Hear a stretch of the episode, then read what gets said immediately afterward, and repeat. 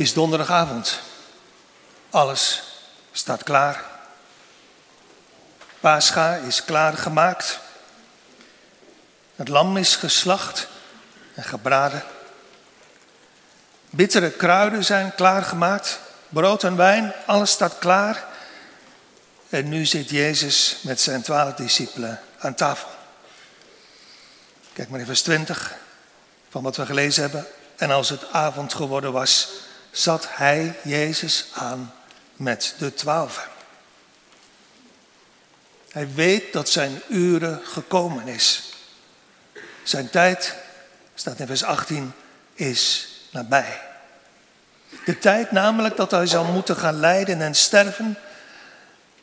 En dus wordt dit een afscheidsmaaltijd. Maar hij is volkomen rustig. Gewillig om de weg te gaan en de wil van zijn vader te doen. Ze zitten samen aan tafel. In de stilte van de avond. Alles is rustig en vredig. Het is een indrukwekkend moment.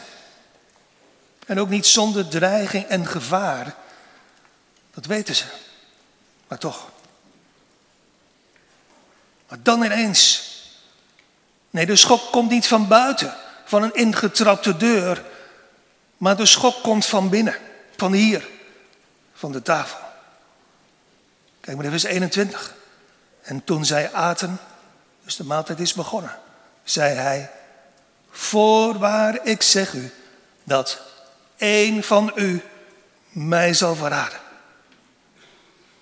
Plotseling is de stilte doorbroken. De vredige sfeer is verdwenen en er ontstaat grote verwarring. Ze zijn geschokt, ze zijn verbaasd, ze zijn bedroefd. Ik zeg u dat één van u mij verraden zal.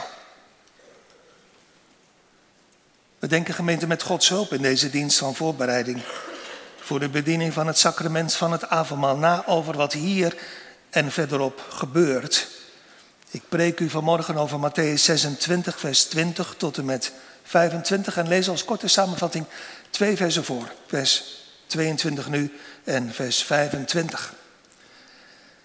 Vers 22. En zij zeer bedroefd geworden zijnde, begonnen iegelijk van hen tot hem, tot Jezus te zeggen, ben ik het, Heer? Vers 25. En Judas die hem verriet, antwoordde en zeide, ben ik het, Rabbi?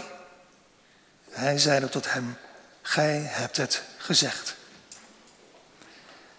Ik stel u voor dat ik vanmorgen dit schriftgedeelte met u op de voet volg en gaandeweg verbindingen maak naar onszelf toe en ook naar de week van voorbereiding. Beginnend in vers 21. En toen zij aten, zei Jezus, hij, voorwaar ik zeg u dat één van u mij zal verraden. Je denkt bij jezelf, jongens en meisjes, wat naar is dit? Waarom zegt de Heer dit nu? Zomaar ineens midden in de groep. En waarom verstoort hij zo de rust en de vrede die daar heerst? En, en waarom gaat u daar vanmorgen over preken? Want als het er nou maar één van de twaalf is, dan kan de Heer Jezus die toch ook even apart nemen en dat onder vier ogen zeggen en, en die andere elf met rust laten. Ja, ik snap dat je dat denkt, maar de Heer zegt het juist. Hoewel er maar één verrader is. Hij zegt dit juist tegen die elf andere discipelen. Opdat ze zichzelf zouden onderzoeken. Want hij weet, zegt Matthew Henry, dat zelfonderzoek de beste oefening is voor mannen en vrouwen zoals deze. Die kort geleden eerlijk gezegd nog twisten over de vraag wie van hen de meeste zou zijn. Een oprecht discipel is heel erg gebaat bij het onderzoeken van zijn of haar hart. Dit is trouwens zelfs de opdracht van de Heer Jezus zelf. Uit 2 Korinthe 13, onderzoek uzelf of u in het geloof bent. Beproef uzelf. Bent u kind Of bent u verrader? Het slaat aan die, dat kunt u zich voorstellen. Het slaat aan die rustige en vredige tafel in als een bom. Kijk maar in vers 22. En zij zeer bedroefd geworden zijnde, begonnen iegelijk van hen tot Jezus te zeggen: Ben ik het, Heer? Want dit komt wel heel dichtbij. Gaat een van ons, de meester, verraden? En, en dit voelt ook zo verdrietig. Als het nu een Romein zou zijn geweest, maar, maar iemand van ons. Dit moet hen wel heel diep geraakt hebben. En dit moet hen wel heel veel verdriet gedaan hebben. Maar wat hen nog het meeste raakt, is de gedachte. Maar wat als ik het zelf ben? En gemeente, dat kan eigenlijk ook niet anders. Want als je weet hoe listig de duivel is. En als je weet hoe zwak je zelf bent. En als je leest in je Bijbel dat de liefde van velen zal verkouden, zal verkillen. Dan, dan moet je wel denken. Zou ik misschien die verrader zijn? Het is ondertussen wel opvallend dat blijkbaar niemand Judas verdenkt. Je kan blijkbaar zo'n grote bedrieger zijn dat niemand je verdenkt. Maar de andere elf discipelen verdenken wel zichzelf. En dat is goed, gemeente. Dat moet ook. Dat is ook de bedoeling hier van de Heer Jezus. Een discipel behoort zichzelf te wantrouwen. We hebben alle reden om niet hooggevoelend te zijn, trots en zelfverzekerd, maar om te vrezen. Want de Satan gaat rond als een briesende leeuw zoekende wie hij zou mogen verslinden, maar vooral dat wat Jeremia zegt. Argelistig is mijn hart. Bedriegelijk. Meer dan iets anders, dan enig ding. Ja, dodelijk. En dus zegt de Heer heel bewust voor de instelling van het heilig avondmaal tegen alle aanwezigen aan die tafel, voorwaar ik zeg u dat één van u mij zal verraden. Als een laatste poging zonder twijfel om Judas tot inkeer te brengen, maar vooral om, om zijn discipelen te dringen tot het onderzoeken van hun eigen hart. Zoals Paulus later ook beveelt, de mens beproeven zichzelf en eten alzo op die manier van het brood en drinken van de drinkbeker. En dus wil ik gemeente u en mezelf ook ons allemaal dringend vragen. Om in deze week van voorbereiding ook zelf persoonlijk deze vraag in het verborgen op onze knieën aan de Heer te stellen ben ik het, Heer. Om ons hart, en ik heb het de hele dienst ook over mezelf, dat weet u, om ons hart te bewaren voor onze verkeerde neigingen. Ook en juist in een week van voorbereiding. Want we zijn diep in ons hart geneigd om als het gaat over de verrader of de bedrieger eerder te antwoorden dan te vragen. En eerder te wijzen naar een ander dan te denken aan onszelf. En daar was toen destijds aan die avondmaalstafel, aan die paasmaaltijd ook misschien best wel aanleiding voor. Kijk eens even rond met mij wie daar aan tafel zit. Petrus misschien. Kort geleden zei de Heer nog tegen hem: Ga achter mij, Satanas. Zou hij het zijn? Of die twee broers? Die kort geleden vroegen of ze in het koninkrijk van de Heer Jezus mochten zitten. De een aan de linker en de ander aan de rechterkant van de Heer. Zou een van hen het misschien zijn? Of Thomas misschien? Die een tijdje geleden zei, Heer, we weten de weg niet. En hoe zouden we die ook weten? Want wij weten niet waar u heen gaat. Zou hij misschien dat verloren schaap, dat dwalende schaap zijn? Zoals je ook in een week van voorbereiding om je heen kan kijken. Zoals je ook op een avondmaalszondag naar de avondmaalgangers kan kijken. En denken, hij, zij, klopt dat wel? Zonder echt te willen kijken naar je eigen hart en naar je eigen leven. Geliefde gemeente, houdt u in deze week niet bezig met het onderzoeken alstublieft van anderen, maar onderzoek uzelf of u in het geloof bent en beproeft uzelf. Zoals de elf discipelen dat ook doen. En zij zeer bedroefd geworden zijnde, begonnen iegelijk van hen tot hem, tot Jezus te zeggen, ben ik het, Heer? Ze zeggen eigenlijk, letterlijk, ik toch niet, Heer. Dit is een vraag, dat voelt u met me mee, vol, vol verwarring, vol verontrusting en vol bezorgdheid en vol van bange vrees. Ze zoeken de verrader niet bij anderen, maar veel dichterbij, bij zichzelf. Niet ergens ver weg in de stad Jeruzalem, maar in de zaal. En in de zaal niet bij een ander, maar in een eigen hart. Heren, ik toch niet. Ze hebben een meester hartelijk lief. Dat gaan ze ook niet ontkennen. Ze gaan ook niet zeggen, ik ben het Heer. Dat kan ook niet. Maar toch zijn ze goud eerlijk. Want ze kennen na al de genade die van de Heer ze gekregen hebben. Ze kennen iets van hun bedriegelijke hart. En ze weten, zoals de catechismus dat zegt, dat ze tot alle boosheid geneigd zijn. En dus krijgen ze het heel druk. Niet met een ander, maar met zichzelf. Maar is dit dan, denkt u misschien, geen zondige twijfel? Is dit wel goed?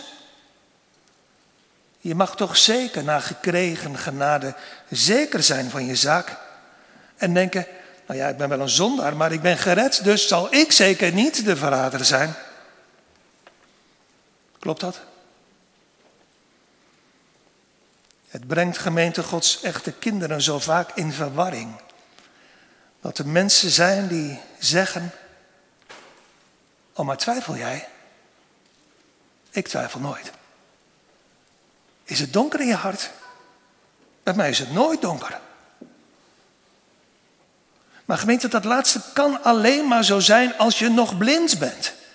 Dan zie je geen verschil tussen licht en donker. En als je donker dan licht noemt, dan zeg je het is altijd licht. Ik twijfel nooit. Dat kan je alleen maar zeggen als je je eigen hart niet kent. Als je niet weet dat de wortel van alle kwaad en dus ook van verraad zit in je eigen hart en dat je tot alle zonde geneigd bent.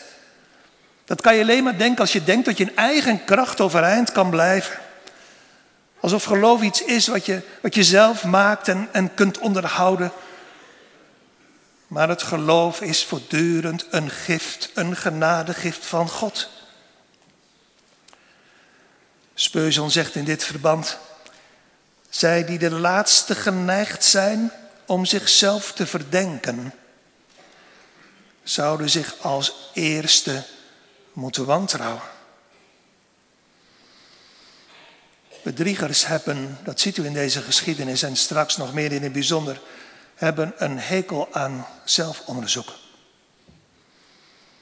De ongelovigen en de hypocrieten zuchten meest onder anderen. En onder de avondmaalsgang van anderen. En ze zien terwijl ze om zich heen kijken, maar niet kijken naar hun eigen hart. Ze zien terwijl ze om zich heen kijken, overal voorbeelden van zelfbedrog. Die lijkt op Kain en die op Biliam en die op Agab en die op Izebel. En die op Ananias en Safira, Simon de tovenaar, Demas, Felix, Agrippa. Maar alstublieft, stop daar nu eens mee. En ga nu vanmorgen en deze week eens zelf eerlijk voor de spiegel staan. En wees nu eens eerlijk als, u, als ik aan u vraag. Hebt u ooit door Gods genade en bij het ontdekkende licht van de Heilige Geest naar binnen gekeken? Niet in andermans hart, maar in uw eigen hart. Hebt u ooit erkend op uw knieën voor God in het verborgen? Ik. Nee, niet altijd weer die ander, maar ik, heren, ben uw gramschap dubbel waard. Hebt u daar ooit gezucht als de tollenaar, o God, wees mij zondaar genadig?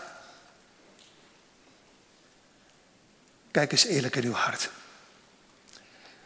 Lijkt u op Judas? Of lijkt u op een van de andere elf discipelen? Hoe ziet uw hart? Hoe ziet uw leven eruit? Is er ooit in uw hart droefheid gekomen over uw zonde? Intens verdriet over alles wat u gedaan had en tot op de dag van vandaag doet? Is er ooit in uw hart door Gods genade een heimwee, een verlangen naar God gekomen? Waardoor u niet verder kunt zonder Hem. Is er ooit in uw hart een hartelijke liefde tot God geboren? Tot God tegen wie u zo gezondigd hebt. Bent u ooit alle vertrouwen op uzelf kwijtgeraakt? Zoals de profeet zegt, al mijn gerechtigheden, de schijn van mijn goede werken, een wegwerpelijk kleed. En mijn beste werken, zoals Paulus zegt, schade en drek, verlies en vuiligheid. Is uw liefde tot de zonde ooit radicaal gebroken? Of verbeeldt u zich stilletjes zonder dat te zeggen dat u en Christus kan dienen en tegelijkertijd ook van de zonde kan houden? Steunt u in alles op Christus en hoopt u op Hem alleen als, als profeet om u alles te leren wat u niet kent en wat u niet begrijpt? Bent u echt onvoorwaardelijk gaan luisteren naar het woord van de Heer? Of hebt u stiekem nog steeds uw weerwoord? Ja, Heer, u zegt dat wel, maar ik denk er het mijne van. Steunt u in alles op Christus en op Hem alleen als priester in de tweede plaats? Om uw zonde en hemelhoge schuld te vergeven. Kent u persoonlijk die schuld als inderdaad hemelhoog, onbetaalbaar voor uzelf? Steunt u in de derde plaats op Christus en hoopt u op Hem alleen ook als koning om te zitten op de troon in uw hart? Wilt u Hem in alles gehoorzaam zijn? Of alleen voor zover het u uitkomt en past? Veel huigelaars willen Christus wel als priester. Natuurlijk voor de vergeving van al mijn zonden. Maar niet als profeet om in alles naar hem te luisteren. En ook niet als koning om in alles over hen te regeren. Hebt u Christus echt aangenomen? Met alle ongemakken en nadelen en gevaren van dien? Zoals deze discipelen, die zeggen, heren, we hebben alles verlaten en zijn u gevolgd. Is niet alleen de buitenkant, maar ook de binnenkant van uw hart gezuiverd? Werkt u, zoals de Bijbel dat zegt, door de liefde? Of toch alleen maar om gezien en gewaardeerd te worden? Hoe ziet mijn hart en leven en hoe ziet uw hart en leven eruit, geliefde gemeente. Alsjeblieft, onderzoek uzelf, niet een ander. En laat u onderzoeken in deze week en op deze dag bij het licht van Gods alziende oog. Waar moet je mee bezig zijn in deze week van voorbereiding? Met jezelf. Je zegt, ja, maar ik heb een hekel aan het onderzoeken, aan het analyseren van mezelf aan dat graven in mezelf. Dat is een slecht teken. Want er is er hier maar één die niet mee lijkt te doen in dat eerste koor van bezorgd vragen. Ik toch niet, heren? En dat is Judas. Alsjeblieft, stop met die weerstand en met dat verzet tegen zelfonderzoek. De spreukendichter zegt, die op zijn hart vertrouwt, die is een zot. Die op zijn eigen hart vertrouwt, die is een dwaas. Plaats uzelf nou van de week eerlijk voor de spiegel. En kijk goed. Want een huigelaar, een verrader, kan in heel veel dingen lijken op een oprecht kind van God. Kijk met mij maar eerlijk in uw gedachten mee, in allerlei Bijbelse voorbeelden. Iemand kan, zo schrijft de Hebreeënbrief schrijven, tot grote kennis komen. Verlicht zijn, de hemelse gaven smaken. En des heiligen geestes, dat wil zeggen sommige gaven van hem, deelachtig worden. Iemand kan het woord met vreugde ontvangen. Iemand kan openlijk zijn zonde beleiden, zoals koning Saul. Iemand kan zich diep vernederen, zoals koning Agab. Mensen kunnen heel veel van hun bezittingen weggeven, zoals Ananias en Safira. Iemand kan diep verontrust zijn in zijn hart over een begane zonde, zoals Judas straks. Iemand kan vol bezorgdheid zijn over zijn of haar ziel, zoals later Simon de Tovenaar. Iemand kan vol schrik zijn, denkend aan het komende oordeel, zoals koning stadhouder Felix. Iemand kan vol rust en vrede zijn, wachtend op de komst van de bruidegom, zoals de dwaze maagden. Iemand kan vol van hoop zijn Hoewel Job zegt, de verwachting, de hoop van de huigelaar zal vergaan. Iemand kan vol liefde zijn, zoals Herodes zoveel liefde had voor Johannes de Doper.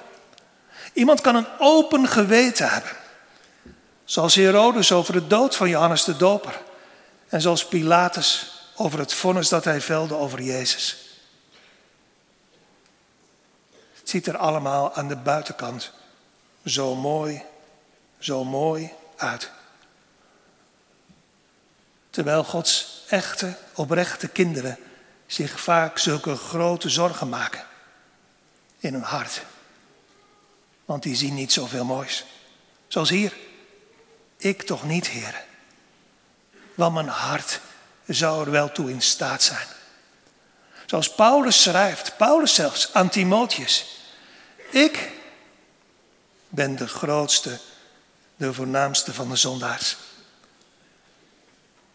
Zeker, we zullen het genadige en we willen het genadige werk van de Heer in ons hart niet ontkennen. Maar we zien in het beste geval een mix, een mengeling van Gods genade en van onze slechtheid. En wie de meeste genade van de Heer gekregen heeft, die ziet het meest helder dat niets van ons kan voldoen aan de eisen van Gods heiligheid. En dat mijn hart en mijn leven besmeurd is en blijft met zonde. En, en nu komt het allerbelangrijkste. Dat alles drijft ons hart des te meer met heimwee uit naar God. Weg van de hoop op onszelf. Als een arme zondaar naar God toe met de vraag. Welke vraag? Met de vraag, Heer, maar, maar luister nou eens, ik ben toch een geredde zondaar. Ik ben toch uw kind. Nee, met deze vraag. Heer, ik ben toch niet de verrader. Zeg het, Heer, maar eerlijk tegen me. Want ik ben tot alle zonde geneigd. Heb het druk, gemeente in deze week, in deze middagweek ook in het verborgen met uw eigen hart voor God. Ik lees verder in vers 23 en 24. En Jezus antwoordende zeide, die de hand met mij in de schotel indoopt, die zal mij verraden. De zoon des mensen gaat wel heen, gelijk van hem geschreven is. Maar wee die mens door welke de zoon des mensen verraden wordt. Het waarom goed zo die mens niet geboren was geweest. Het dringt meer dan ooit dit tot zelfonderzoek. Geliefde gemeente, voorkom dat u dit in de, toekomst, in de toekomst gaat denken. Was ik maar nooit geboren geweest. En dus onderzoek u zelf. Eén van u zal mij verraden. De schok is groot en ook Jezus, schrijft Johannes, werd ontroerd in zijn geest. Ontzet. Hij zat met mij aan dezelfde tafel. En hij at met mij. Wat een bitter leed voor Jezus. Zoals de dichter zong, we hebben het samen gezongen uit Psalm 41. Zelfs, zelfs de man mijns vredes, op wie ik vertrouwde, die mijn brood at, heeft de versenen tegen mij grotelijks schrijven. Eén van u, discipelen, zal mij verraden. Wie? Vers 23, die de hand met mij in de schotel indoopt, die zal mij verraden. Op de tafel staat waarschijnlijk een kom met misschien gepureerd fruit, dadels, vijgen, rozijnen waar ze het eten in dopen. Dus wie dat met mij doet, die denkt nou, probleem opgelost. Wie doet het? Goed kijken. Ja, maar wie doet het? Ze doen het allemaal. Iedereen. Dus gemeente, dit is niet bedoeld als directe aanwijzing. Kijk allemaal, dan zie je wie de verrader is. Dit is vooral een algemene vaststelling. Het is één van u die met mij de maaltijd deelt. Zo nauw aan mij verbonden dat hij met mij aan tafel zit. Zo dichtbij komt Judas. Tafelgenoot, avondmaalganger. Je kan jezelf bedriegen. Maar je kan ook zo bedriegen dat je voor het oog van iedereen, net als Judas, doet alsof je heel intiem met Jezus bent. Het spoort de discipelen nog een keer aan om zichzelf ernstig te onderzoeken. Het is één van ons, zo dichtbij. Het is trouwens ook een van de laatste waarschuwingen aan het adres van Judas. Broeder, weet wat je doet. Judas, rijk bevoorrecht mens, geroepen apostel, ambtsdrager, volgeling van Jezus. Ooggetuige was hij geweest van de wonderen van Jezus.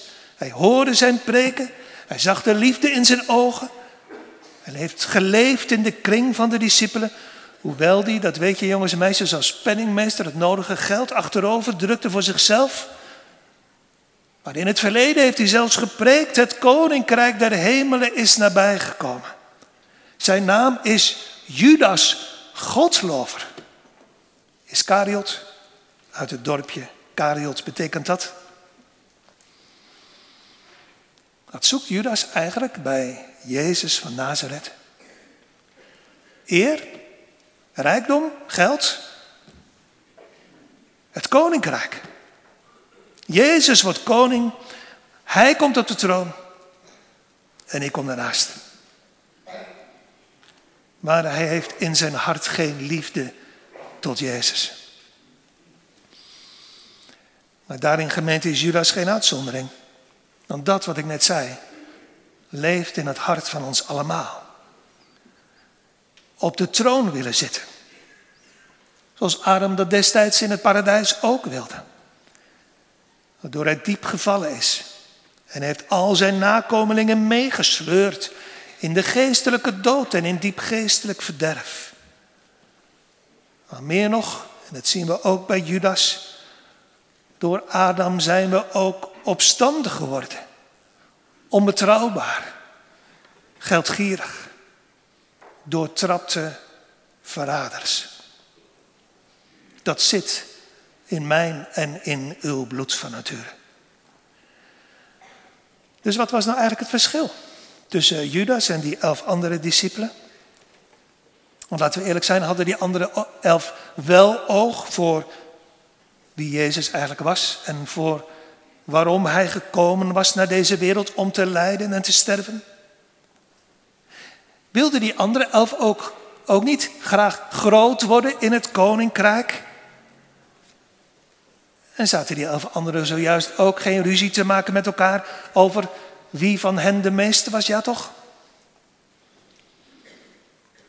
Maar toch is er één groot verschil.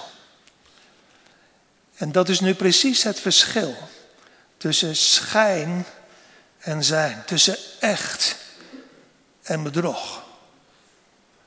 Dit verschil, hun hart is gebroken. Gebroken vanwege al het kwaad, vanwege al de zonde die leeft in hun hart. En dat is, dat voel je, dat proef je, wat hen het meest verdriet doet. Hun hart.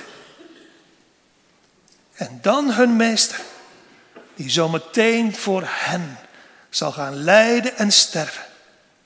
Hun hart is vol voor hun meester. Hij is alles voor hen. Hij is voor hen de parel van grote waarde, oneindig veel meer dan de dertig zilverlingen die Judas ervoor kreeg. In één woord samengevat, het verschil tussen Judas en de andere elf. Het verschil tussen een huichelaar en een kind van God is echte liefde tot Jezus. Echte liefde tot Christus. Maar vaak liefde in zoveel, dat ziet u hier, in zoveel strijd, in zoveel verwarring. En zo gemengd vaak ook met twijfel en ongeloof. Want degenen die de Heer zoeken en liefhebben zijn, zijn vaak in hun hart nog zo blind voor de weg die de Heer moet gaan. Lijden en sterven om te betalen voor mijn schuld. En we kunnen, net als de discipelen destijds, in blijdschap en hoop zo geneigd zijn om te denken: ik ga vooruit. En nu wordt alles beter. Totdat je meer en meer, net als zij, gaat inzien dat het achteruit lijkt te gaan. Omdat je gedrongen door het onderwijs van de Heer Jezus dieper dan ooit leert kijken. Tot in de schuilhoeken van je donkere hart. Waar zoveel zonde ligt. En zoveel verzet en vijandschap leeft tegen vrije genade. Want ik wil iets zijn. Ik wil iets worden. Maar het is net als op de berg der verheerlijking. Jezus en Jezus alleen. Judas blijft steken in zijn verzet. Hij wil groter worden. Hij wil meer worden. Hij wil rijker worden. Want ja, moet ik nou mijn eigen kroon en mijn eigen eer helemaal kwijt? Moet ik nou echt gaan bukken en buigen en schuld beleiden? Moet ik straks als een kruisdragende volgeling achter Jezus van Nazareth aan? Hij wil wel uiterlijk, voor de schijn, voor het mooie discipel zijn, maar geen echte volgeling van Jezus, die hij diep in zijn hart niet lief heeft, maar haat. En dus is dat gemeente ook tegelijkertijd ook de vraag die we onszelf in deze week van voorbereiding moeten stellen. Heren, kijk maar eerlijk, wat leeft er op de bodem van mijn hart? Leeft hier diep van binnen in mij aangevochten en bestreden liefde of bittere haat? Vers 25. En Judas die hem verriet antwoordde en zeide, ben ik het rabbi? Hij zeide tot hem, u hebt het gezegd. Dit moet u dus niet gaan doen in deze week van voorbereiding. De verrader probeert zijn beste beentje voor te zetten om voor het oog van de Heer Jezus vooral niet door de man te vallen, had hij dat maar niet gedaan, want nu is er nog een weg terug. Ook voor ons. Wat een doortrapte, wat een onbeschaamde vraag. Hij wil niet onder verdenking komen te staan en dus begint hij met napraten. Hij trekt ook een bezorgd gezicht en zegt ook, ik toch niet, rabbi. De anderen zeiden eerst, heren, maar hij zegt rabbi, dat klinkt anders.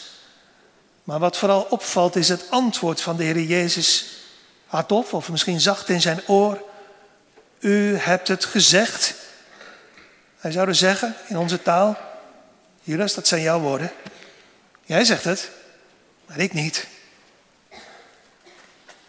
Het zou voldoende moeten zijn om hem te overtuigen, om hem te ontmaskeren, om hem eerlijk te maken en hier ter plekke te brengen aan de voeten van de Heer Jezus. Zoals deze woorden ook voldoende zouden moeten zijn om ons, als we gaan op een dwaalweg, te corrigeren. Genoeg voor Judas, maar de woorden van Jezus zijn net niet genoeg om de onrust onder de discipelen weg te nemen. Even later vlucht Judas weg in het donker van de nacht. Was hij maar gebleven? Had hij maar schuld bekend? Zijn meester was zonder twijfel bereid geweest om het hem te vergeven. Hier is een ander verschil, gemeente, tussen een kind van God en een bedrieger. De huigelaar gaat.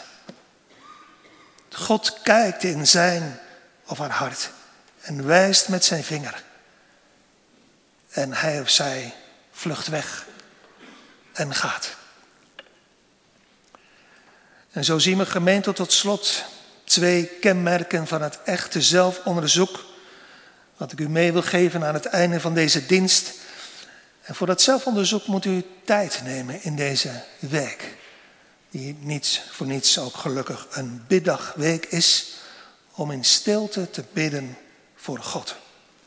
Twee kenmerken van echt Bijbels zelfonderzoek. Als eerste dit.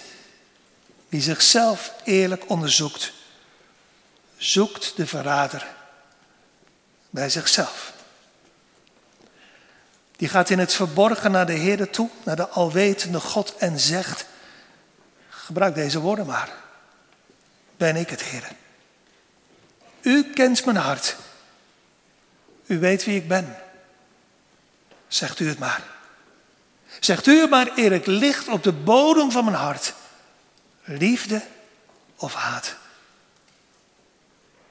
Want heren, ik heb zo'n bedriegelijk hart. Heren, u weet toch alle dingen. Kijk maar in mijn hart. Ik schuw uw licht niet.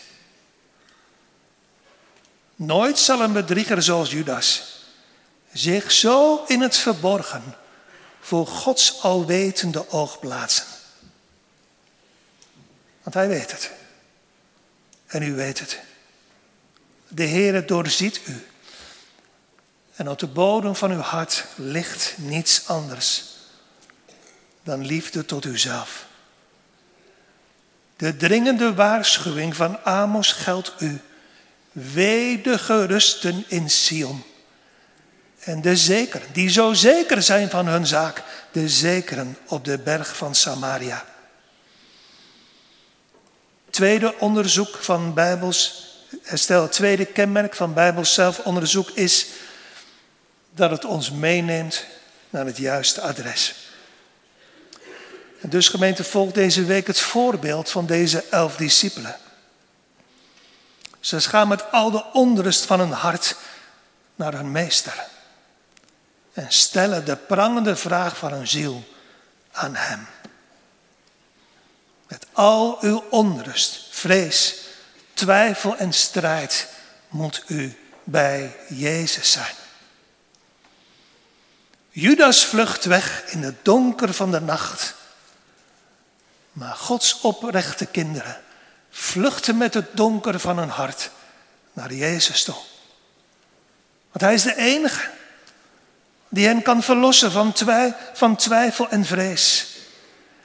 En zo zeggen ze op hun knieën in het verborgen. Vertroost, Heere, mijn ziel in haar geween en zegt u het mij. Ik ben uw heil alleen. Krijg je dan direct antwoord? Kijk maar naar deze geschiedenis. Niet uit de mond van Jezus hier. Waarom geeft de Heer juist op dat soort zielenvragen vaak niet direct geruststellend antwoord? Zo van, u bent het niet hoor. U bent mijn oprechte kind. Waarom niet? Omdat we dan zouden gaan rusten. Ik wel tenminste. We zouden hem niet meer nodig hebben. Maar de Heer wil ons zo graag als roepende, als hem nodig hebbende zondaars bij zich houden. Met een hart, ja zeker met een hart ook vol vrees. Maar juist ook met een hart dat meer en meer gaat hongeren naar Hem. Zo wordt Christus, midden in de prangende vragen van onze ziel, die we het verborgen aan de Heer voorleggen, zo wordt Christus voor onze harten steeds kostbaarder en steeds onmisbaarder. Want Hij is het alleen die ons kan troosten in ons zielsverdriet, als de bron van troost en licht. En zo blijven we midden in alle strijd, de zegen, de verzoening met God en de vrede met God alleen bij Christus zoeken. En dus gemeente, zoek geen rust en tevredenheid in deze week, maar zoek Jezus.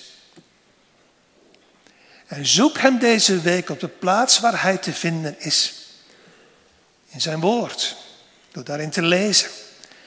En door de weg van verborgen gebed en van stille overdenking en meditatie. Denk juist in deze week, al biddend en al lezend, veel aan het lijden en sterven van de zaligmaker. En leg al biddend en lezend ook uw hart. Nou is de samenvatting van alles wat de Bijbel hierover zegt in het avondmaalsformulier. Als u iets kent van hartelijke droefheid over de zonde naar God toe. Van honger en dorst, van intens verlangen naar de gerechtigheid van Christus. Als u iets kent van haten en wegvluchten en willen vluchten van de zonde en van kinderlijk en ootmoedig de Heer vrezen.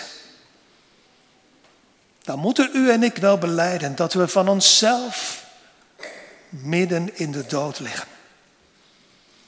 Maar dan mogen we als we het leven buiten onszelf in Jezus zoeken. Aanstaande zondag met vrijmoedigheid komen naar zijn tafel.